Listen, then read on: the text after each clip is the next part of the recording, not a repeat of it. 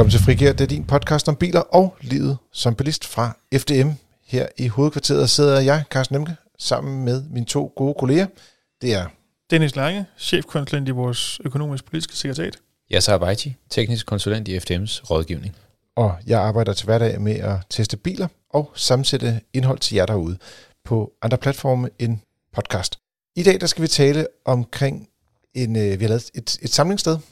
Øh, det kunne være noget forhistorisk, men her der handler det simpelthen om et sted, hvor vi har samlet alle vores øh, gruppetest, øh, sådan at de er lidt nemmere at finde. De har været lidt svære at finde ind på vores hjemmeside øh, over tid. Så øh, skal vi tale om en storskuffende fransk SUV, og så slutter vi selvfølgelig af med jeres lytterspørgsmål som altid. Men først kort om nyheder, skulle jeg sige. Nyhederne kort. Mm-hmm. Det bliver altid nyhederne langt. Dennis? Ja. Hvad har du øh, taget med denne uge? Jeg har en kort nyhed, jeg skal se, om jeg kan gøre lang. Øhm, jeg har taget en lille, øh, jeg vil lige sige sød historie, hvis man kan bruge det udtryk. Øhm, det er absolut positivt ment.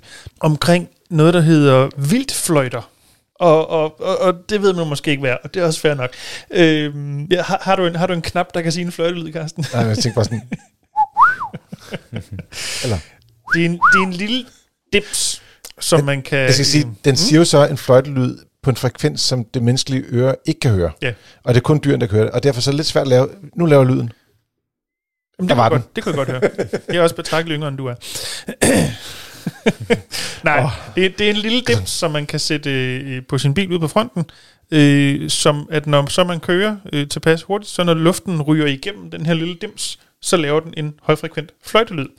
Og pointen er, at den her lyd skal være med til at afholde øh, vildt i forskellige størrelser fra at øh, krydse vejen lige foran bilen. Øh, enten stoppe op, eller for den skulle vende om, men i hvert fald sådan, de ikke bliver påkørt. Mm. Øhm, og det er der nogle øh, forsikringsselskaber, øh, et par stykker, som har øh, sige, prøvet at sende ud til deres kunder, bedt dem eller opfordre dem til at montere det, i håb om, at det vil nedsætte antallet af vildpåkørsler. Det er selvfølgelig godt for dyrene, men det er også godt for forsikringsselskaberne, dermed også kunderne af gode grunde. Altså, hvis vi bare skal starte med dyrene. Ja. Fordi jeg synes, det er sådan, trods alt øh, ikke det mest menneskelige, men det mest sådan, Nej, ja, på god en eller anden måde humane. Øh, hver dag køres der i gennemsnit 31 dyr ned. Og det er jo også et sted at starte, kan man sige. Nej, undskyld. 31, det er edderspøjt med mange. Jamen, det er det. Det svarer til, at der i 2021 i alt blev kørt altså over 11.000 dyr ned. Og så kan man sige, det har også nogle konsekvenser. Du har en bil, der går i stykker, du kommer ikke på arbejde, du skal have aktiveret din forsikring og sådan nogle ting. Men det er jo, altså en ting, vi ved, der bliver slået mange, øh, skal man sige, myg og fluer ihjel, det ser vi på vores biler. Øh, men jeg ved ikke, hjorte, måske det øjnene, der gør det. Og du mener, det er mere synd på en eller anden måde? Det er Eller? lidt mere synd, der er sådan lidt Bambi over det, på en eller anden måde. Disney har ikke ledet forgæves. ikke, ikke for mig i hvert fald. Så, Øh, ja. der var, dengang jeg var ung, der var jo ikke andet end Disney jo. Ved du hvad, når man er vokset op på landet med en far, der jo ikke går på jagt, så øh, er man måske knap så... Øh, øh, øh, hvad Du, skal du vi har set sige? mange Bambier, der har været døde. Ja, nogen i hvert fald, om ikke andet. Men nej, Men, selvfølgelig... men altså, i, i forbindelse med biler, det er noget andet. Ja, ja, selvfølgelig. Ja. Altså ved du hvad, hvis vi kan undgå vildpåkørsler, øh, øh, så er det da absolut noget, vi skal gøre. Øh, men man kan sige, det der ligger i, nu har som sagt der er nogle, forsikringsselskaber, der har sendt ud til deres kunder, de her fløjter, og de vil jo selvfølgelig at se, jamen kommer det her til at gøre en forskel? Der er allerede nogle indikationer på nogle erfaringer, både herhjemmefra og fra udlandet, som indikerer, at det gør en forskel. Mm. Øh, men nu gør man det jo lidt herhjemme skal vi sige, lidt større skala hjemme, der er sendt ud til, uh, var det, det er nogle tusind kunder, jeg kan ikke lige huske tallet. Ja, det giver forsikringen har faktisk valgt at sende øh, ud til øh, 10.000 kunder Ja. op i Skive, Thy og Mors. Ja, øh, og så er det Bornholms øh, brandforsikring, som de hedder, som har sendt Yes. ud til deres, øh, til deres kunder også. Øh, så det er jo lidt større skala, det bliver prøvet af herhjemme nu. Tidligere har det været, så vidt jeg husker, en kommunes øh, hjemmeplejebiler, der blandt andet har haft det kørende, og sikkert også nogle, øh, man kan sige, enkeltpersoner rundt omkring, tænker Yes. jeg. Og selvfølgelig, hvis det har en effekt, så er det jo alt andet godt. Præcis. Mhm. Så kan det være, at hvis det går rigtig godt, så kan vi måske tage fat på bilfabrikkerne og sige til dem, at de godt kan indbygge det i bilen, så det ser pænt ud også, og så man ikke har sådan en mærkelig dingenot hængende ud foran på bilen. Ja, for altså lige nu ligner det jo, at du har klistret en plastikdims på din front, hvilket det også er. Ja så, øh, apropos at klistre en øh, plastikdims på sin front, Ja, Master of Transition. ja. tak, Kåre. Øh, øhm, jamen, øh, der er en, øh, en nyhed om, øh, om en BMW 7-serie, øh, syvende generation af BMW's øh, flagskib. Øh, det har vi på vores hjemmeside. Jeg synes, det er et majestætisk køretøj. Og den er jo gigantisk jo, som Den er- altid. Mega fed. Og jeg er fuldstændig ligeglad med, hvad I siger. Ja, det er da godt, den for det kommer vi til. er mega fed. Altså, jeg har uh, stort set altid brudt mig om 7-serien. Jeg synes, 7-serien er en af de... Altså, især det, den model, der hed E38, som kom uh, i, i, imellem 94 og, og mm. 2001, inden den blev monstergrim i, i den, der hedder E65'eren, altså 2001 til Det er 2008. den, model. som Bangle introducerede. Jeg vil dog sige, den, men det, det får vi at se, fordi Ja. det, jeg tror, det handler lidt om, omkring det her med designet, er jo, øh, spiller en stor rolle. Mm. Og der er ikke nogen tvivl om, at øh, kineserne nok også har haft en lille indblanding i den måde, som de har lavet fronten på den her Det er syvserie. en meget, meget stor indblanding. Øh, og, og, og, de, at bruge de der øh, øh, skal man sige, dyr, vi talte om før, øh, der kan lande et dyr i hver en nyere nu. Øh, det kunne der ikke i gamle Ja, dage. vel, vel at mærke kronvildt. Ja, kronvildt med gevær hele øh, bygetøjet. Det ja. sætter sig fint fast der. Ja. Har, har du mere, du vil sige om bilen, inden jeg begynder at... Ja, men inden, hisse inden du, øh, inden du øh, øh, begynder at hakke den ned, så, øhm, så kommer den her bil i, øh, i forskellige, hvad kan man sige, udformninger. Den kommer både som, som benzin, som diesel, som plug-in hybrid og som elektrisk bil. Men øh, til Danmark, der, der har man fravalgt benzin og diesel. Det er mm. øh, lurer mig øh, grundet nogle afgifter. Det giver jo god mening. Det er i hvert fald øh, noget, som, som fylder noget i landskabet, og det, det har altså en, en, en ganske høj effekt, hvis du også kigger på, at den kommer med fuse-træk og masser af hestekræfter, 4,7 sekunder, i sådan en kæmpe monster. Øh, 102 kWh batteri i, i elbilen. Jeg synes, det er mega fedt, det der. og, øh, når, og jeg synes, øh, at jeg er færdig her, så, så kan I bare... Øh, Super, så tager jeg over. Øh, Øh, mig nu. Øh, den, ja, Dennis, har du noget måske øh, eventuelt med designet af bilen, du synes, du vil kommentere på? Ja, og så lad mig bare for, sådan, for, for, for husfredens skyld og sådan noget hedder, at starte i den positive ende. Indenfor, indendørs, der ser den her super flot, ren linjer, futuristisk, lækker. Det er med godt designet. Og det er så også det gode, man siger, når du sidder inde og kigger på den her flot designede kabine, så kan du ikke se, hvordan den ser ud udvendigt. Fordi hold nu fast, hvad pokker har de dog tænkt på? BMW laver meget, meget ofte pæne biler. De har meget få gange i min optik trådt ved siden af, og jeg så jo en, der rent faktisk var fan af Bangles design dengang. Det undrer mig ikke. Bare for at sætte det i relief. Det her, det giver simpelthen ingen mening. Den er på kanten af at være grim. Øhm, og jeg tror, det der er problemet, og det er måske der kineserne kommer lidt ind i billedet, mm. det store problem for mig at se, det er, at den her bil ligner, at man har haft 17 teams til at designe hver deres designelement af bilen, og som bare knasker det hele sammen bagefter. Og det, det svinger lidt over i den asiatiske måde at se design på, hvor man netop fokuserer på enkelte elementer, hvor vi her i, i Vesten lidt mere kigger på det overordnede indtryk i et design. Altså, man sige, harmonien i, i, fronten, øh, siderne, øh, bagenden, den, den er ikke helt den samme, Nej, som den har været tidligere. Nej det. Øh, det, havde Bangle jo lidt mere styr på, og også, også den tidligere 7-serie, som du talte om. Øh, ja, så. Ja, jamen altså fra- fra bagfra fra siden, der ser den bare mærkelig og, og disproportionel ud, og fronten ligner bare simpelthen noget, der er løgn med sådan et par øh, Citroën-smalle forlygter med nogle andre lygter nedenunder, og så, ej, jeg ved ikke om det er verdens største nyere, fordi de godt nok lavet store længe, men, men altså, du har store. nyere, og så har du lidt, lidt øh, øh, lygter spredt ud øh, rundt omkring. Jeg kunne godt forestille mig, i og med at det her marked i den her type biler jo er traditionelt lidt meget konservativt, at de får lidt svært ved at, i hvert fald i Europa, og måske sælge så mange, som de godt kunne tænke sig, fordi der er mange, der måske bliver lidt skræmt. Men det vil jo vise sig. Jeg er ikke fan overhovedet. Men jeg synes, bortset fra det, synes jeg, det er interessant, at det her er en anden vej at gå, end Mercedes gør. Og Mercedes har den traditionelle S-klasse på brændstof, og så en EQS, når du skal på el. BMW går den modsatte vej og siger, at vi laver den samme bil, bare med forskellige drivlinjer. Mm. Øhm, det er jo to ja, forskellige måder at tilgå samme problem på. Ja, de har også gjort det med deres øh, 4-serie, øh, Mm, hvor ja. vi lige faktisk har i øjeblikket haft øh, i4'en til test, der jo har samme antal 400, øh, 544 hestekræfter, kunne jeg se, som, øh, som den elektriske udgave 7-serien. Øh, den var så hurtigere 0-100, fordi den ikke vejer så meget, meget naturligt. Øh, men, men der er det også det der med, at de siger, jamen, de bygger bilerne, og så kan du bare også få den som elbil, og Mm, også som ja. det ene, det andet, det tredje, det fjerde. Og det vil sige, at de dækker flere markeder af, og Altså, der kan man godt mærke, de, de har stadig sådan en arv, eller en, en kundebase, som forventer, der også kommer en dieselbil på nogle markeder, eller en benzinbil på nogle markeder. De bliver nødt til at levere, hvor øh, konkurrenter som Tesla for eksempel bare kan vælge at sige, vi er ligeglade. Vi er kun et elektrisk Ja, de er jo univers. startet et helt andet sted, kan Ja, man det er sige. Ja. Så, så man kan sige, hvor, hvor de i starten med sagde, om deres i-biler skulle være noget særligt, så er i-bilen bare en variant i en, skal man sige, en, en række af fire serier, eller fem serier, eller syv serier for den der skyld. Øh, hvis jeg må ret øh, Men, men, opmærksomhed... men jeg, jeg var ikke sikker. at- Dennis, kunne du lide, eller kunne du ikke lide designet? ja, ja, Jeg synes, det indvendige design er vanvittigt flot. ja, okay. Punktum. Ikke så meget udvendigt. Men apropos indvendigt, øh, så øh, er der et, øh, og jeg vil sige, der må vi jo nok anerkende, at det bliver, det bliver nok øh, ekstra styr. Øh, men de har sådan en panoramaskærm, øh, som kan komme om på, på bagsædet, øh, og, og fordi man tænker, øh, man skal have lov til at se noget sammen, når man sidder om bagved. Så der har de lavet en skærm, der er på 31 tommer, øh, som kan vippe ned fra loftet, og man kan enten betjene den direkte, fordi det er en touchscreen, Selvfølgelig er det det. eller også så har de også nogle skærme, som sidder ude i, øh, i, skal man sige, i armlænet, i, i, i dørssiderne. Øh, og jeg vil bare sige, man kan godt mærke, at der, der sker noget af det lige pludselig. Ikke? Altså, øh, Jeg tænker jo så også, jeg håber lidt, at den her bil så sammen med den her panoramaskærm til bagsædepassagererne kommer med en eller anden form for elektronisk bagspejl med et kamera, der sidder omme bagpå. Fordi når den der skærm svinger ned, så øh, spejlet op ved føreren, øh, der kan du så kigge ind, kigge ind i bagsiden af en fjernsyn, og ikke noget som helst andet. ja, og det, det må man gå ud fra, ellers så må de jo øh, orientere sig via spejlene. Man må jo egentlig godt dække udsynet i bagspejlet, Ja, du, du har gerne fylde op spejle med i højde til side. så, Ja, så det er præcis. der ikke nødvendigvis lovgivning noget, noget problem i, men, men Men orienteringsmæssigt kunne det være interessant. Ikke? Ja, Jeg tror, at vi har lavet den her fejl før. Vi har stået og kigget på det, så har vi sagt, det er noget lort. Det er en helt vild grim bil at kigge på. Øh, Hvorfor er de gået den vej? Det er en kæmpe fadese, en fejl. Vi sagde det med 4-serie coupé.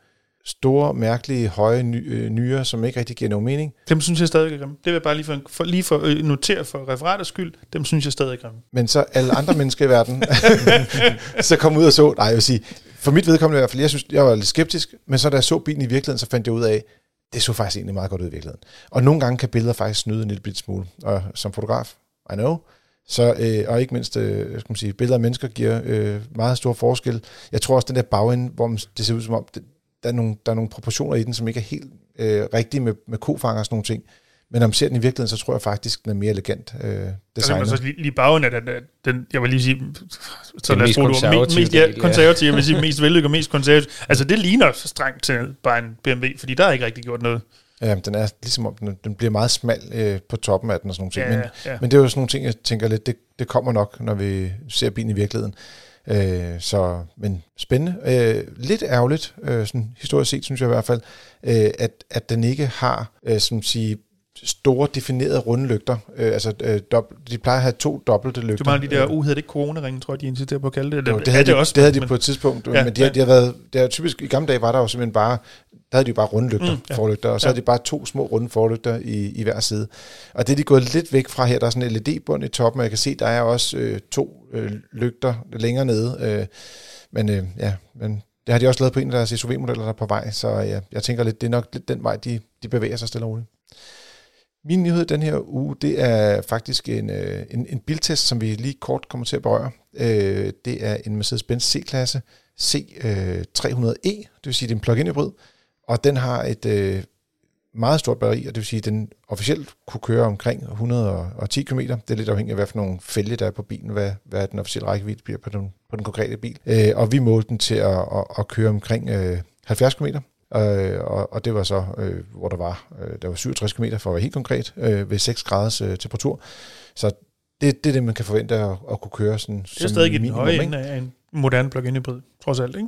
Det er i den gang i den høje ende, og den har også en ret stor, øh, skal man sige, kraftig elmotor på, på 130 hestekræfter. Så øh, jeg vil sige, det er sådan en af dem, hvor du rent faktisk godt kan køre den som, øh, som elbil mm. alene øh, i, i hverdagen. Øh, og batteriet er jo så også på, på 25 kWh, det vil sige, det er, det er så stort, at det, at det er større end nogle af de første elbilers batterier. Og det er også derfor, den har den, øh, så at sige, lange rækkevidde. Øh, et minus ved den, øh, og, og det vil sige, det er ikke et lille minus, det er faktisk et kæmpe minus, det er, at de skal jo lægge øh, det her batteri et eller andet sted, og det, fordi det er så stort, så stjæler det faktisk en stor del af bagagerumsstørrelsen. Øh, det er stadigvæk ret øh, langt eller dybt, kan man sige, og også forholdsvis bredt, men det er ikke så højt længere, fordi der er, øh, skal man sige, bagagerumsbunden er blevet skubbet af.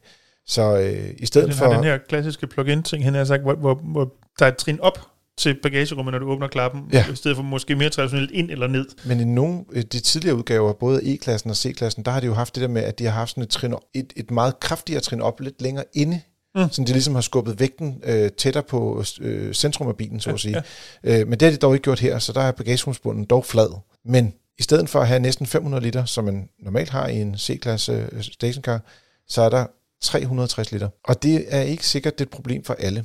Og dem, der spiller golf, vil stadig godt kunne have deres golftasker liggende derinde. Ja, for linken er der stadig. For længden er der stadig. Ja. Men hvis du har en familie på fire øh, eller fem, og du skal have feriebagage med, så begynder der så at knibe rimelig gevaldigt, fordi vi er nede og kigge på sådan noget, altså en minibil som en Skoda Fabia har større bagagerum, ikke? Ja. Så, og her der er der altså en stor Mercedes-Benz C-klasse stationcar. Så jeg vil Ja, sige, det, ja, ja, vi kan selvfølgelig diskutere, om det er en stor, når det er en C-klasse, men altså, C-klassen har aldrig været verdens ej, jeg største prøvede bare bil, ligesom men, at, ja, ja, ja. At, at, køre lidt mere svung i. Ja, jeg, jeg er med på din pointe. Jeg vil sige, at der er mange, der vil gå ind og kigge på en bil til, til over en halv million kroner, og så sige, så, så burde den der dog få noget for pengene. Jo, jo. Øh, og der får man så øh, rækkevidde på strøm, men, øh, men får så ikke bagagerumsplads. Ja. Jeg oplevede faktisk et andet problem, da jeg var ude og køre den, og det ved jeg godt, det er sådan noget personligt betinget. Øhm, jeg fandt mig aldrig til rette bag rattet, eller rettere sagt, i sædet. Nå, Den har- sjovt. Den her issue, som jeg tror, det var Peugeot 308, vi snakker om for nogle afsnit siden, også har, at den øverste del af ryglænet buler ud, og det er der, hvor den øverste del af min ryg er. Så det bliver sådan noget klokken fra Notre Dame ting noget, Ja. at man sidder. Og jeg brugte uanede mængder tid på at indstille, for den kan indstilles i 100 retninger. Præcis. Det blev aldrig godt. Og det var jeg, det var jeg sgu lidt ærgerlig over en bil, der er så øh, øh, premium i øvrigt og dyr og så videre, at, at de har ikke tænkt gode sædeindstillinger eller sæde, hvad sådan noget, muligheder for alle. Åbenbart. Jamen, jeg skulle til at sige, jeg kunne nemlig rigtig godt finde mig til ret i den. Og, Mm. og så det bliver jo lidt det der med, hvordan man sidder i bilen, øh, der kommer til afgørende. Og derfor må jeg også sige, husk altid at prøve at køre Ja, bilerne. ja, ja. Og ja, så du sidder og smiler, fordi at... Øh, ja, hvorfor sidder du og smiler, jeg så? Det er fordi, at øh, du ringede til mig, da jeg var ude at køre, og spurgte, om jeg ikke kunne komme og hente dig, fordi at øh, den her bil ikke kunne køre længere. Ja, det var, jeg skulle lidt panisk lige der. Øh, Og det var ikke, fordi du var løbet tør for strøm, fordi så kunne du fortsætte på benzin. Bilen gik simpelthen ned på højvoldssystemet. og, øh, og det var øh, holdt et lidt dumt sted, Ja. øh, og skulle først ringe. Det var faktisk lidt sjovt, fordi jeg har aldrig prøvet de der SOS-systemer før i biler. Altså, hvor man ligesom trykker på en knap, og så øh, ringer man op og taler med en person. Øh, jeg har selvfølgelig øh, tændt for havariblinket, fordi at jeg holdt jo stille på en øh, lille landevej. Men jeg holdt sådan lige før sådan en bakketop, så folk kunne ikke bare køre forbi mig. Du ved, de kunne, ikke, de kunne ikke se, hvad der var på den anden Ah, side af der, hvor jeg kørte. Øh, og, og, og, det var sådan lidt, øh, jeg ved ikke, der var det lidt, lidt, så regnede det, og så var det tørvejr eller sådan noget. Det var sådan lidt sådan, Og det var super koldt. og det var virkelig koldt. Ja, ja. Men jeg kunne ikke gå ud af bilen og vente på at opkaldet kom igennem, så jeg kunne hjælpe den øvrige trafik med at, ligesom at blive Nå, det at afviklet. du sidder inde i bilen, hvis du skal snakke igennem bilens Præcis. system. Ja. Så, øh, så det var ligesom, jeg sad og tænkte, "Ah, hvor er det ærgerligt, at man ikke kunne tage den ud på telefonen, mm. øh, altså eller overføre opkaldet til mobilen, øh, fordi at opkaldet går igennem bilens øh, internetforbindelse, så at sige, eller telefonforbindelse. Nå, men om ikke andet, de kom og, og hentede bilen, og jeg så kom og hentede mig, og altså, før de nåede at komme, der tror jeg faktisk, du nåede at skille bilen øh, lidt ad, øh, for at være ærlig. Ja, vi, Øh, vi havde vi lidt et problem med et relæ, havde vi Jeg ikke på ser et et tidspunkt? indre billede af Jasse, der står forberedt ned i motoren, Det og sådan, der ryger ting op til højre Ja. og venstre. Ej, Vi- det var, vi det var én lidt. ting. vi, vi, prøvede lidt, vi prøvede lidt at se, om vi kunne, øh, hvad kan man sige, om den bare havde øh, ja, slået en brud, øh, og den ikke selv kunne finde ud af, hvad der, hvad der skulle ske. Så vi koblede 12 batteriet fra, og vi prøvede at, ja, vi prøvede lidt nogle forskellige ting, men øh, den skulle på værksted. Den skulle, den skulle have lidt mere øh, kærlighed og pleje, og så fik vi en anden bil senere og kørte den. Men jeg vil også sige, det er også derfor, altså, det er derfor, man har garantier på biler, mm. når der opstår sådan nogle fejl. Det skal jo bare fikses. Mm. Så er det så ærgerligt, at der kun er to års garanti på en Mercedes. Jeps. Ja. Og det kan man så tænke lidt over der.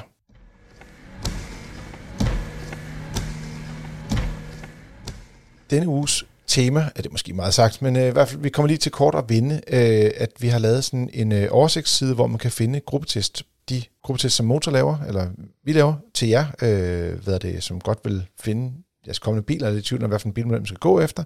Øh, der har vi samlet øh, alle de gruppetest, som der blev lavet fra 2018 og frem, og det vil også sige de biler, som der stadig findes enten i handlen, eller måske findes i en, en facelift-udgave på, på nuværende tidspunkt. Der kan jo også være biler, som der er kommet en ny generation af, fordi der kommer jo hele tiden noget nyt.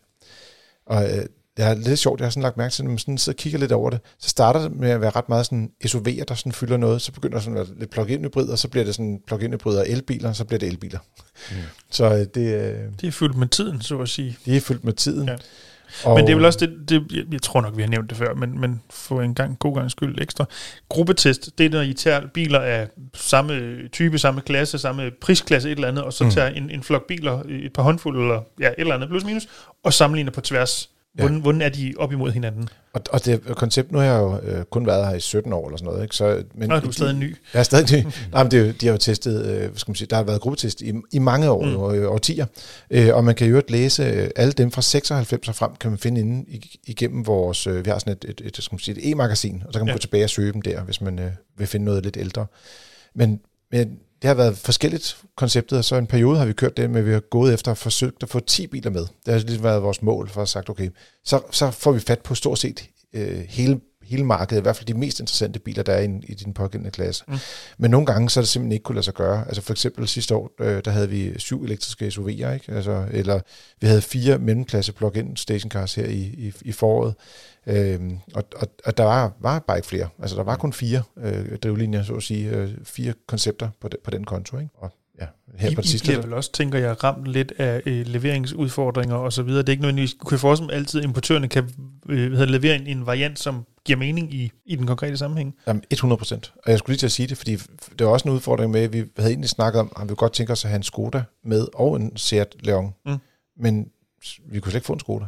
Altså, for de havde ikke nogen biler. Mm. Og, og det er jo lidt ligesom øh, ja, almindelige danskere derude, de begynder at mærke, at når de går ud og kigger på en ny bil, og de får at vide, hvornår de kan få fat på den, så viser det sig, at den er i hvert fald ny bil, når den lander, men det er ikke lige nu, de får den. Mm. Så, øh, men jeg synes, det der er smart med gruppetesten er også, hvis man går og siger, at ah, jeg vil godt tænke mig en bil lidt den størrelse, og jeg har, man, man kender typisk sit eget bilmærke, det man kommer fra, så ved man, når man ja, hvis det nu er en, en Peugeot for eksempel, så kunne det være, at man sagde, at man, øh, man kunne godt tænke sig at have en SUV, så kan man sige, at den hedder 3008, men hvad for nogle andre biler skulle man overveje at købe i stedet for en 3008?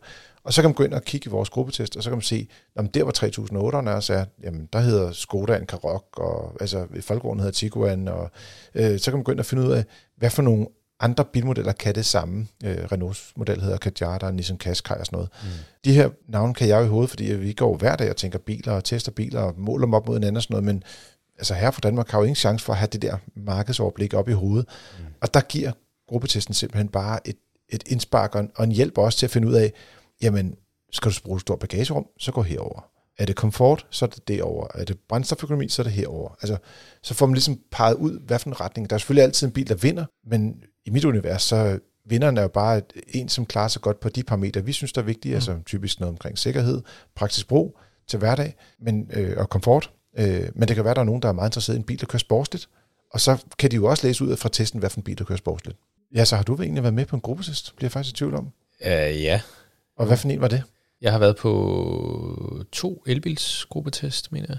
Ah, øh, du gjorde ikke selv meget indtryk på Carsten, da du var der, kan jeg fornemme. Nej, åbenbart ikke. Jamen, der er så mange til. Altså, det er jo altså, over hvis jeg, år, hvis jeg, bare, siger, det er mange Hvis jeg nu siger øh, sprungne airbag-systemer og motorhjelme, der er åbne og så videre.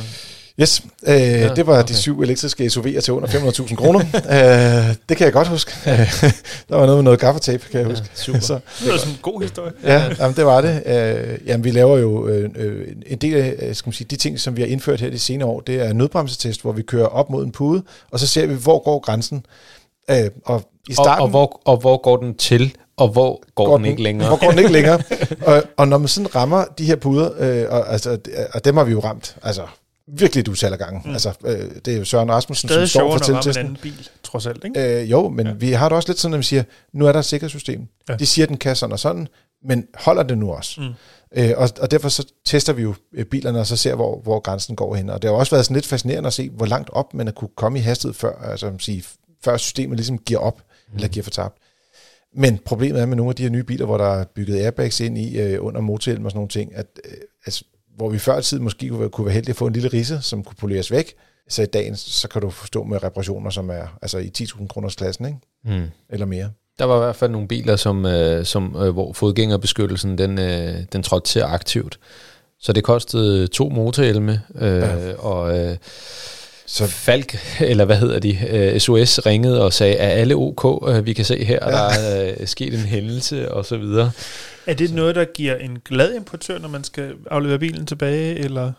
Øh, altså, det er, jo, det er jo aldrig nogen, der bliver rigtig glad over sådan nogle ting. Og det nej, gør vi jo heller ikke selv, vil nej. Nej. Men, men, men der er jo også en forståelse for, at vi skal have mulighed for at teste bilerne. Men jeg vil også sige, det, det er det, som gør, at vi er begyndt at sige, okay, op til 50 km i timen inde i byen, det er der, hvor det væsentligste det virker. Hvis de kan klare det, er det fint nok. Hvis det, over det, så er det bare en bonus. Mm. Øh, og, og især de her biler, som har de her avancerede systemer, der, der bliver det simpelthen for, altså økonomisk risikabelt et eller andet sted. Fordi vi, der er jo, vi vil gerne teste bilerne, så folk kan vide sig sikre i bilerne, men vi er jo heller ikke ude på at, at, ligesom at, at, at ruinere øh, bilimportørerne, øh, de stakkels mennesker. oh. Oh. Så, men om ikke andet, man kan gå ind og læse øh, oversigten derinde, og jeg kan se, at øh, vi også lige får øh, tilføjet den seneste gruppetest, som er øh, små, nu har vi jo haft talt meget om elbiler og SUV og sådan nogle ting, men der er også blevet lavet ind med minibiler i prisklassen lige under 200.000 kroner, øh, hvor vi vel godt kan tillade os at afsløre, det har vi gjort tidligere, at det var Skoda Fabian, den nye generation, der vandt der, men der er jo også mange andre biler i den klasse, som kunne være interessante at vælge. Apropos biltest, og det er lidt det univers, vi befinder os i den her uge, der har vi også en test af en, øh, ja, hvad man sige, en fransk skønhed, som har nogle uskønne noder, hvis man skal sige det på den måde, eller uskønne fejl. Skønhed er godt nok flot sagt. Ah, okay. Fransk, Godt. det, i hvert fald fransk. Fran, fransk er den. Ja. Uh, Citroën C3 Aircross er kommet i en faceliftet udgave. Uh, bilmodellen kom frem i, uh, blev præsenteret i 2017, uh, og uh, dengang uh, synes jeg i hvert fald, det var ret spændende. Uh, vi har lige haft den til test i en faceliftet udgave.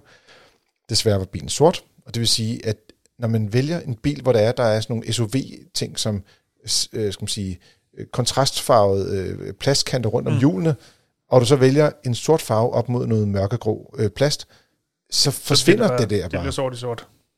Ja, man kan, jeg kunne se inde på hjemmesiden, de havde faktisk nogle ret fede blå farver, og nogle andre, altså, som ikke normalt blå, men sådan noget lidt off, Mm. øh, hvor, hvor det er, du får lidt mere den der fornemmelse af, at der sker noget. Øh, og så har de rettet en lille smule op på designet, som ikke har sådan en stor, rund øh, forlygte øh, under kørelyset, men sådan øh, mere sådan noget, noget firkantet Ja, noget. det ligner lidt en uh, BMW 7-serie. Jeg gør det ikke det.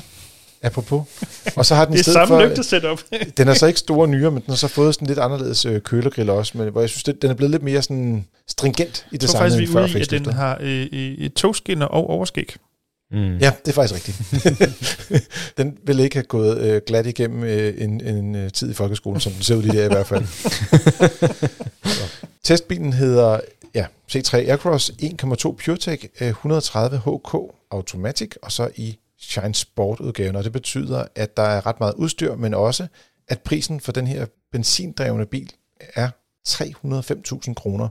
Og det er øh, mange penge, synes jeg i hvert fald. Øh, det er ikke sådan, man sidder og siger, at det var et slagtilbud øh, af en anden verden. Man får dog nogle delledersæder. Du får en øh, 9-tommers trykskærm, øh, inklusiv navigationsanlæg. Der er panorama-soltag, og så, øh, eller, undskyld, panorama-tag, og også nøglefri betjening. Men det er mange penge for en bil, der jo ikke er meget større end en almindelig C3. Altså det er jo en SUV-station car udgave af en almindelig C3. Det er jo, jeg ikke, en, sige, det er jo ikke en stor en- bil. Jamen, jeg vil sige, en C3 er jo i realiteten en minibil Ja, ja, ja. i den lille klasse, Ja. og, og Air- Aircrossen er noget større, men den er ikke helt oppe i, skal man sige, en mellemklassebil øh, i, i kabinen. Nej, Den, den, er ikke, den er ikke kæmpestor. Nej. Et bagagerum, så at sige, ja, sjovt nok har den bagagerum, den, det er ikke en bil, der er, er, er uden bagagerum, men det er på 410 liter. Så det vil sige, den, den, den er deroppe, hvor den Så altså næsten, mere end en øh, øh, Mercedes øh, C-klasse. C300e. er det ikke sjovt? altså 50 liter mere faktisk. Det er Det fascinerende er, nok. det er ret vildt, ikke? Det ligner det ikke på billeder, men det er noget med højde og dybde og sådan noget. Ja, lige Ja. ja. præcis. Men der er også noget med, at i bagagerummet kan det være to dæk og sådan nogle mm. ting. Så, ja. Og, og den har, de har holdt fast i, at deres øh, bagsæde, det kan jo, skal man sige, længde forskydes øh, øh, frem og tilbage. Så øh, det er, sådan- det er sådan en, en lille gimmick, som øh, hvis man ikke har brug for plads på bagsædet overhovedet, og gerne vil have lidt mere bagagerum, så kan man køre sædet frem. Ikke? Øh, men som sagt, der, så, så stor er den heller ikke, at man bare lige kan ofre 10 cm øh, knæplads, og, og så bare øh, stadig kan en, en glad familie. Ja. Det er jo en, øh, det er en bil, der på hvad skal vi sige, mange måder viser udviklingen i kundernes efterspørgsel, og selvfølgelig også, hvad der er på markedet. Fordi forgængeren til den her, i hvert fald den man kan sige, øh, øh, mentale forgænger, eller sådan noget hedder, øh, var vel C3, og så har jeg lyst til at sige, at den hed Picasso, Det er rigtigt. som jo var en, En mini-MPV. MPV. Dengang, at mini-MPV'er var vanvittigt moderne. Det er de så ikke mere. Nu skal det være en mini-SUV, så derfor så lavede vi en C3 Aircross, som har lidt SUV-aspirationer, uden sådan rigtig at være det. Der er, der er lidt, øh, lidt plastikhister her. Ja, men jeg vil også sige, det er lidt sjovt, fordi de kører det her med, at når du har justerbart bagsæde, altså at selve bagsædet kan rykkes frem og tilbage, Ja. det er sådan en klassisk MPV-ting. Ja. Det var nok til, det hed en MPV i gamle dage. I gamle I dage, tilfælde i hvert fald, Og ja. Det er lige før, det kunne man godt tillade sig at sige her også, ikke? ja. Men, den men er nu skal også, den hedde SUV, fordi altså, hvis du designet er SUV udvendigt, ikke? Altså den har Ja. de der store plastskærme, de Ja. har det der øh, bagkofangeren, som ser lidt anderledes ud. Altså, det, de gør meget for at være bysmarte, hvis man skal sige det på den måde, ikke? men hvis du piller øh, plastik, øh, øh, hvad hedder sådan noget, øh, øh, dæknerne af den, så ligner den jo langt hen ad vejen en gammeldags mini øh, øh, MPV, mere end den nødvendigvis lige så mange af de andre mini SUV'er. Nå, men det, er, Men- det, er, det er det her plastikpadding, der gør Ja. forskellen. Det er Ja. det, der giver SUV-looket et eller andet sted. Ikke? Ja. Og så er den også øh, sådan lidt, lidt højere. på, på hjulene, skulle jeg til at sige. Den, den, den står lidt højt, ikke? Ja. Hvordan, øh, jeg har kørt en for mange år siden, cirka da den kom frem, der havde jeg en som udlejningsbil i, øh, i England. Var, var det en god oplevelse, Dennis, må jeg spørge? Jamen, ikke rigtigt. Altså, det er jo en, det er jo en bil, der sådan er, øh, har en eller anden, trods alt en eller anden form for charme øh, over sig, men, men jeg synes ikke, den kører sådan særlig mindeværdigt. Det er sådan lidt, lidt, lidt ligegyldigt skråstreg til den dårlige side. Altså, det, det, den skal nok få dig fra A til B, indtil den når en vis alder, og går i mm. stykker.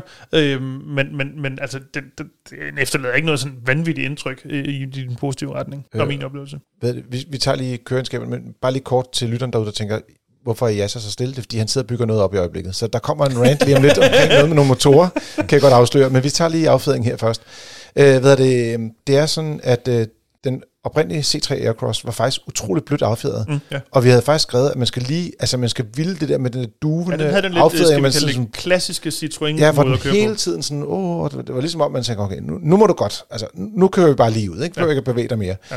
Men her i forbindelse med facelift, i hvert fald den testbil, vi havde, øh, den var simpelthen så hårdt affjedret. Okay. Altså virkelig hårdt affjedret. Og man sad bare og tænkte, hvorfor skal den reagere og ryste på alting, når nu, at de ligesom havde Comfort is the new king, eller Comfort is cool, eller hvad de nu kaldte det. Så måske et eller andet sted midt imellem havde været rigtig fint. Det er oh, lidt hørt at sige. Ja, de skulle bare have stoppet halvvejs, ikke? Ja, ja. Så, havde det været, så havde det faktisk været rigtig fint på den bil, men den, den kørte virkelig ikke specielt øh, behageligt. Øh, og så øh, vil jeg sige, men hvis man går ud og kigger på de her biler, øh, så synes jeg, at det er lidt mærkeligt at se sådan en bil, hvor der slet ikke er noget elektrificering på. Vi kan godt se nogle af de andre konkurrenter, også noget Volkswagen Taigo, Volkswagen T-Cross, øh, øh lignende biler, øh, den der Hyundai øh, Bayon, eller Bacon, Bacon, Bacon. ja, den. øh, de, den type biler, der kører de slet ikke noget med mild hybrid eller noget andet. Og det, det er det samme her. Det er sådan meget øh, old school øh, teknologi, de kører med. Mm. Og det tænker jeg lidt, at det er også det, der rammer den lidt på prisen. Fordi at når du så ikke har det her med elektrificering, så får du heller ikke sådan en rigtig god brændstoføkonomi, vel? Nej, nej, nej. Øh, så, øh, I don't know. Og så, så er der også en anden ting, der er nu, testbilen den havde så nødbremse, fordi det er standard på det udstyrsniveau, men basismodellen har det ikke. Og det havde de før faceliftet, og det er ja. bare sådan noget med, hvordan kan du gå i facelift og så få dårligere sikkerhed? Bare sådan noget, nej, lad være. Altså, det, er ikke, det er ikke 2022-værdigt. Nej, men det, til gengæld er det meget øh, typisk for den bilimportør, øh, at ja. de øh, er begyndt, begyndt også på Opels modeller, hvor de tidligere også havde prioriteret af højt sikkerhedsniveau, og at sige, at vi kører lige en kampagnemodel, hvor der du så ikke får øh, den her automatiske nødbremse, som altså burde være på alle biler i dag, vil jeg sige. Det, ja. det er simpelthen not acceptable. Det er ikke, det er ikke godt nok. Mm. Men noget andet, der er ret irriterende, det er øh, den her motor. Mm. Så nu tager jeg den på brugersiden, og så, så tager jeg så også ind i det mørke, dybe univers. Jeg tror også, det er begrænset, hvor længe du kan holde Jasser tilbage efterhånden. Jamen, ja, han sidder og hopper lidt. Øh, øh, øh, den, den, den, øh, den ryster helt vildt meget. Øh, den larmer meget, når man accelererer. Øh, og øh, gearskiftet, øh, det er jo et 6 automatgear, det her er ikke deres 8 gearkasse, som fungerer godt. Det kører ikke specielt godt. Og, og det er øh, rigtig meget støj i bilen. Øh, der er vindstøj, der er dækstøj, du kan høre folk, der går og taler rundt om bilen og sådan nogle ting. Og, altså jeg vil bare sige, på mange punkter, jeg, altså vi har givet den tre stjerner, den har fået altså med nød og næppe, ikke? Ja, det lyder næsten som, det er højt sat i forhold til, ja, det du fortæller, det, ikke? Men øh, vi, vi har jo det sådan og nu springer vi lige fra, fra min afdeling med teste biler, eller vores afdeling med teste biler, så over i, i teknikerafdelingen, fordi øh, når vi anmelder bilen, øh, så har vi nogle stjerner, vi giver her, men hvis man tager lidt historikken omkring den her motor og dens motors øh, skal man sige, problemer med, så kunne det godt være, at det blev et dårligere valg for en. Fordi at øh, vi plejer at sige, vi kan ikke på basis af de biler, der allerede kører, øh, og når der kommer en ny generation, hvor de måske har lavet om på software, når de måske har lavet om på et eller andet i bilen, dømme motoren ude på forhånd, men det vil øh, jeg så gerne gøre.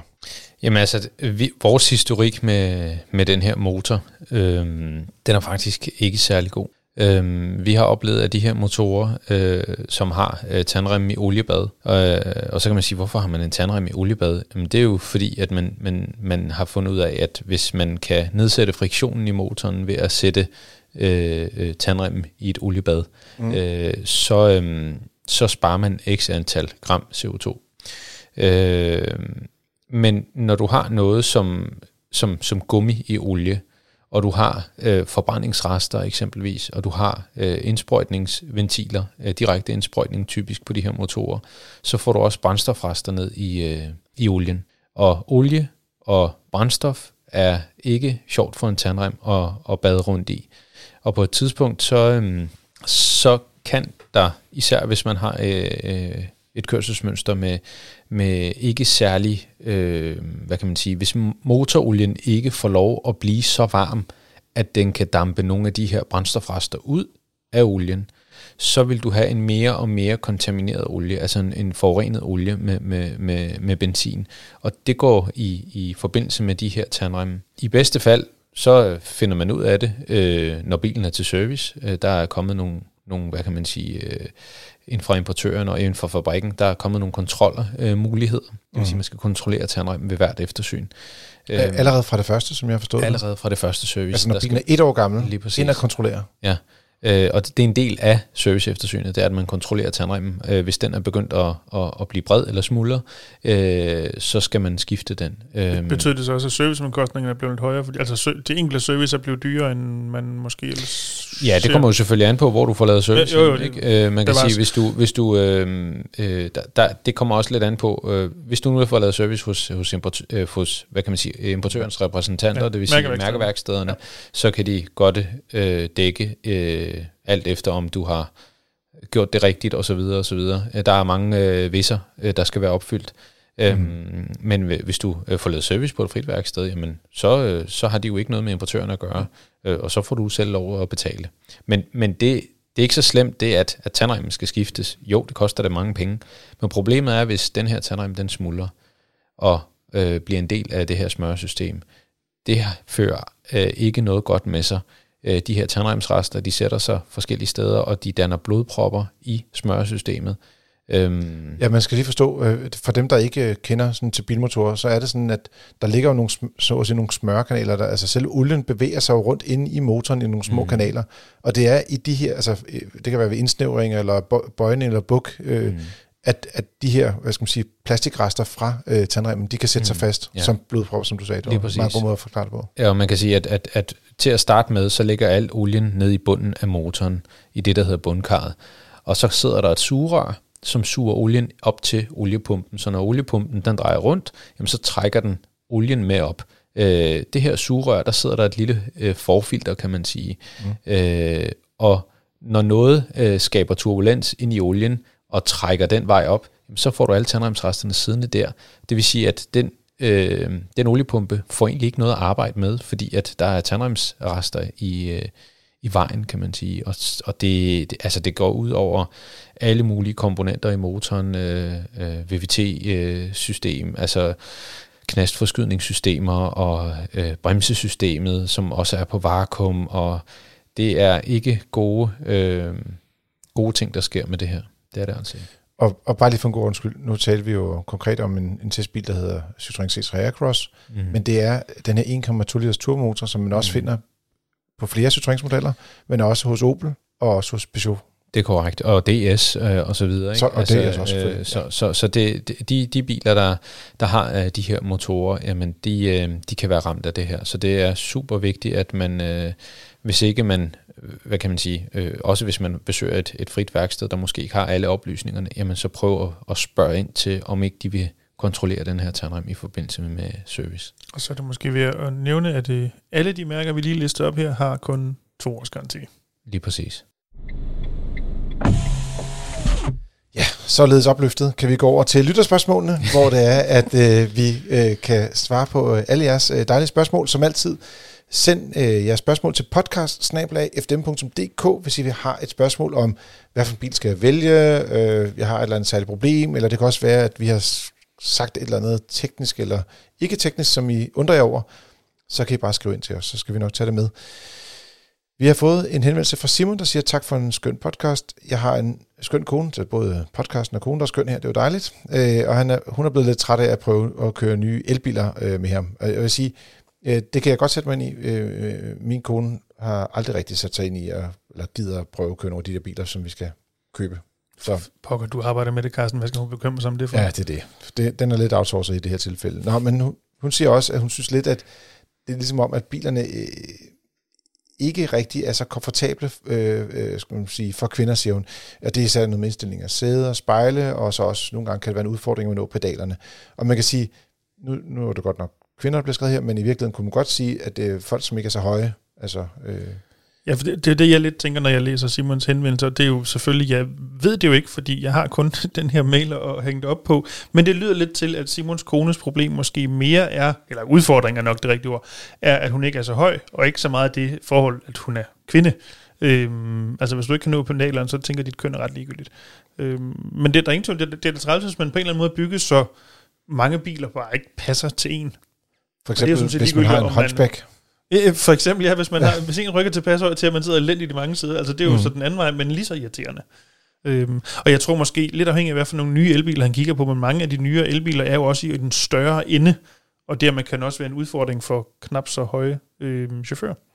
Det er også det, du typisk får lidt større sæder, hvis du har store biler. Mm. Mm. Og så øh, øh, bunden af sædet er typisk ret lang, og derfor kan det jo godt være sådan nogle af de ting, man skal holde øje med. Og om ikke andet, så tænker jeg, at det kan måske være en god idé fra, fra hans side, øh, at han, han måske laver sådan en, en runde, hvor han lige pre-checker dem, og så kan han sådan lidt måske eventuelt tage en målbånd med, og så måle sig, hvor, hvor, hvor, hvor kort er sædet, og hvor langt frem kan det komme. Øh, jeg, jeg har lige fundet ud af, min, min datter har lige fået kørekort. Og så øh, sådan en ting, man sådan lægger mærke til, det er sådan, hun sætter sig bag rattet, og så øh, kører hun så bare sæde helt frem. og jeg tænker, hun er 1 meter 62, det er meget lavt, øh, hvad er det, og, øh, eller det er ikke så højt i hvert fald. Øh, Er det der, hvor hun skal folde armene helt sammen, for at det ligesom kan være der, agtigt foran bag rettet? Nej, for de rettet er også øh, længdejusterbare, så det, det, det er sådan set egentlig fint nok, men det er mere det der med, at hun skal sidde i det næst forreste øh, trin mm. På sædet. Der, der, altså, jeg, jeg kan slet, slet ikke, næsten ikke komme ind i bilen, når hun har siddet der før. Og, og det viser også bare, hvor stor en spændvidde der skal være for sådan en, et bilsæde, for at man sidder ordentligt i dem. De skal både kunne rumme dig, Dennis, ikke? Ja, ja. Ja, og det skal Og også så- rumme min datter. Ja. Og det er også lidt det, som Simon han oplever her med, at, at han skulle måske, øh, nu, nu gætter vi jo lidt, men hun, øh, hun ikke er så høj, når hun har svært ved at nå pedalerne i hvert fald.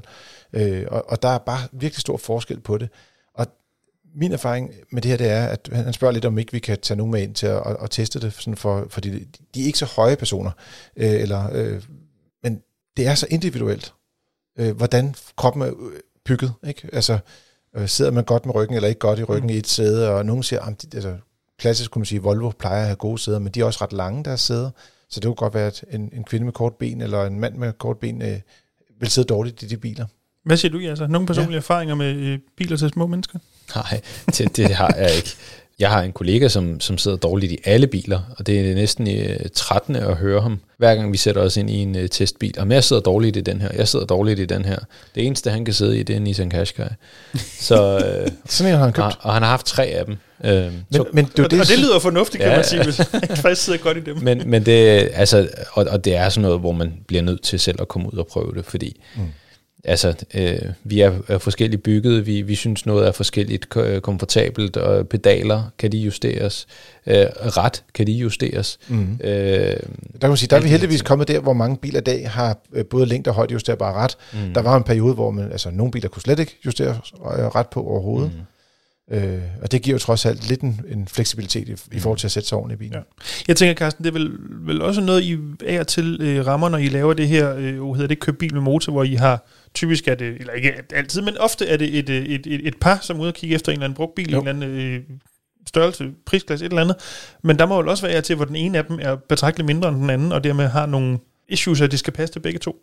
Jo, og, og faktisk, øh, og hvad den hedder, øh, ja, den hedder køb brugt med motor, fordi Nå, det er, det sådan, ved jeg, det er brugte biler. Men, ja. Ja. men ved det, konceptet har, var sådan, i starten der tog jeg, havde en manden med ude, eller du ved, fordi det var dem, der havde skrevet, og så. Mm. du ved, så kiggede vi på biler, og vi fandt en bil, og alt var godt, ikke? Og så, På en ægte kønsdiskriminerende måde, som så den måde, I gjorde det på. Jamen, det, nej, det var den person, der skrev til mig. Så det, var Ja, sådan ja. lidt, det kunne lige så godt er være orden. konen, der havde havde skrevet ind. Men det var bare en, en mand i det her tilfælde. Og så bagefter kom han hjem, og så sagde han, men øh, konen hun øh, så den, og ville ud og køre den, og den kunne hun slet ikke lide. Jeg tænkte, okay, det går ikke det her.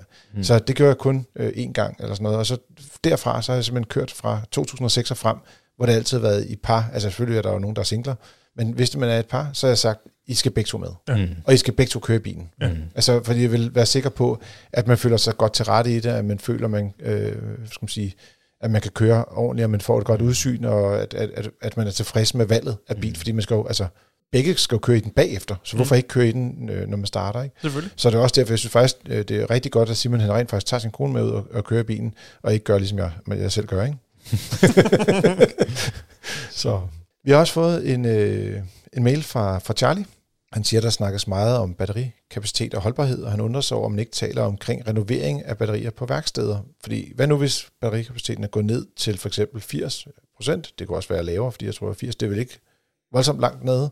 Øh, er der så en mulighed for, at man kunne ja, renovere det på en eller anden måde? Er der ikke en procedure for at gennemgå de her batteripakker og udskifte? Mm. Og ja, så her, det er jo, det er jo din hjemmebane. Du mm. elsker seriekobling, parallelkobling, mm. moduler, ja. celler. Ja.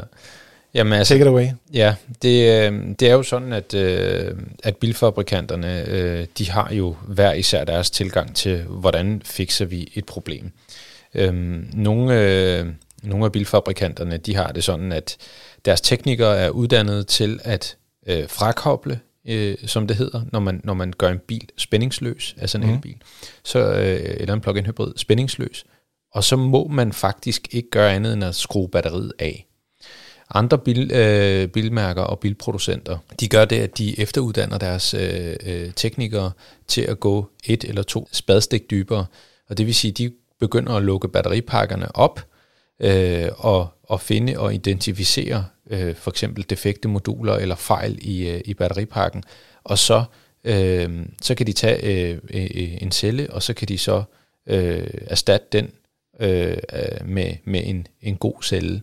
Øhm, man kan sige, at, at spørgsmålet er, øh, når man når for eksempel 80 eller 70 procent, er det så hele batteripakken, der samlet set har fået en kapacitetsdegradering? Mm-hmm. Eller er det en enkelt celle, der, hvad kan man sige, man, man siger, at, at, at et batteri er ikke bedre end den dårligste celle. Øh, og, det, og det betyder, at hvis du har en celle, der trækker hele batteripakken med ned, øh, Øhm, så er den, hvad kan man sige, banditten, der ødelægger det for alle de andre. Så der, der handler det om, at, at man identificerer den celle, man skifter den celle, og så kan man så bringe øh, batteripakken tilbage til den nu dårligste celle, kan man sige, i pakken. Og typisk så er det jo sådan noget, som er meget nøje overvåget, og som følger hinanden op og ned i, i, i, i kapacitet og spænding. Så, så, de, så typisk så gør man det, at man kun skifter den defekte celle, og det er der mulighed for på, på mange af de øh, øh, øh, mærkeværksteder i dag. Øh. Men nu siger du celle. Jeg synes også, du har talt om på et tidspunkt, at man kunne skifte moduler i stedet for. Mm. Altså et modul, det, det er flere celler, som er sat sammen i en enhed. Yeah. Og så er de sat sammen så tæt, at det er svært at gå, komme helt ind til den enkelte celle. Mm. Men du kan godt tage... Øh, lidt ligesom man kender det fra måske sådan en transistorradio eller øh, en, anden elektrisk ting, ting mm. hvor du har sådan øh, 4-5 gode batterier i, eller, mm. og så det ene er dårligt, så tager du bare det ene dårligt ud og sætter et godt ind, og så lige pludselig er der masser af strøm igen. Mm. Det, det er lidt det samme univers her, ikke? Ja, lige præcis. Altså det, det er lidt forskelligt, hvordan øh, bilfabrikanterne har, har, hvad kan man sige, konstrueret deres batteripakker. Øhm, men det er typisk ikke sådan, så man kan komme helt ned på et enkelt celleniveau. Det er som mm. regel de her moduler, men man identificerer en dårlig celle, og så skifter man så, hvad kan man sige, det skal være så omkostningslet øh, øh, og miljøbelastende som muligt. Så, øh, så, lidt miljøbelastende som ja, muligt, ja. ja øh, og, så, og så tager man så og skifter den, øh, det modul eller den celle, hvor at, at, at der er en fejl, Øhm, og så balancerer man cellen, og så putter man den øh, tilbage i batteripakken, og så fortsætter man. Øh. Men, men det er klart, at på et tidspunkt, så kan det jo godt være, at den totale samlede øh, batteripakke er så træt, mm. at, at den måske ikke er, egner sig som værende et godt elbilsbatteri længere, og så skal man jo så vurdere, jamen skal vi så skifte hele batteripakken ud, og så kan den her batteripakke få lov til at være smartphone-batteri, eller Powerwalls, eller hvad nu? Øh, øh, det kan eller, måske være sådan en reservebatteri øh, til solcellerne på taget derhjemme, hvor man samler strøm op i løbet ja, af dagen, altså, eller et eller andet. Der er masser af edelmetaller i, i de her batteripakker, som kan, kan, kan genanvendes. Det er, ikke, det, det, det er lidt kompliceret at genanvende de her, men, men, men øh, alle bilimportørerne er interesseret i at, og, hvad kan man sige, at, at afhjælpe øh, og finde plads til deres gamle batteripakker. Øh, så, og der, der kommer også specialværksteder, som kommer til at og, og, og købe og, og sælge nogle af de her ting, fordi det er, det er der gode penge i. Jeg ved, ser man jo allerede nogle steder i udlandet, at der er nogen, der specialiserer sig lige præcis det. Lige præcis. Der kommer et dansk uh, selskab, som der åbner, der har en åbning her, deres uh, værk her om et par uger. Mm. Så der tænker jeg, at vi kommer til at tale om det efter det i hvert fald. Mm. Jeg tænker også, at en af årsagen til, at vi ikke taler så meget om det nu, mm. det er fordi, der er relativt få elbiler på markedet øh, der er blevet gamle, og hvor, hvor batterierne er så dårlige, at de skal skiftes ud eller repareres. Mm. Og når vi kigger på det her om, lad os sige, 5 eller 10 år, så vil der på det tidspunkt være så mange elbiler, at det vil være mere altså, hverdagsagtigt, end det er lige nu. Mm. Ja, præcis. Du lytter til Frigir. Det er din podcast om biler og livet som bilist. Husk at give os nogle stjerner i din podcast-app, og anbefale os til dine venner. Har du spørgsmål, som Charlie eller Simon, så kan du sende den til podcast.fm.dk. Ja, så tak for at gøre os klogere på batterier. Til tak. Og Dennis, bare for at gøre os klogere i det hele taget. Det var så lidt. Og til dig, kan lytter, tak fordi du lyttede med, og god tur derude.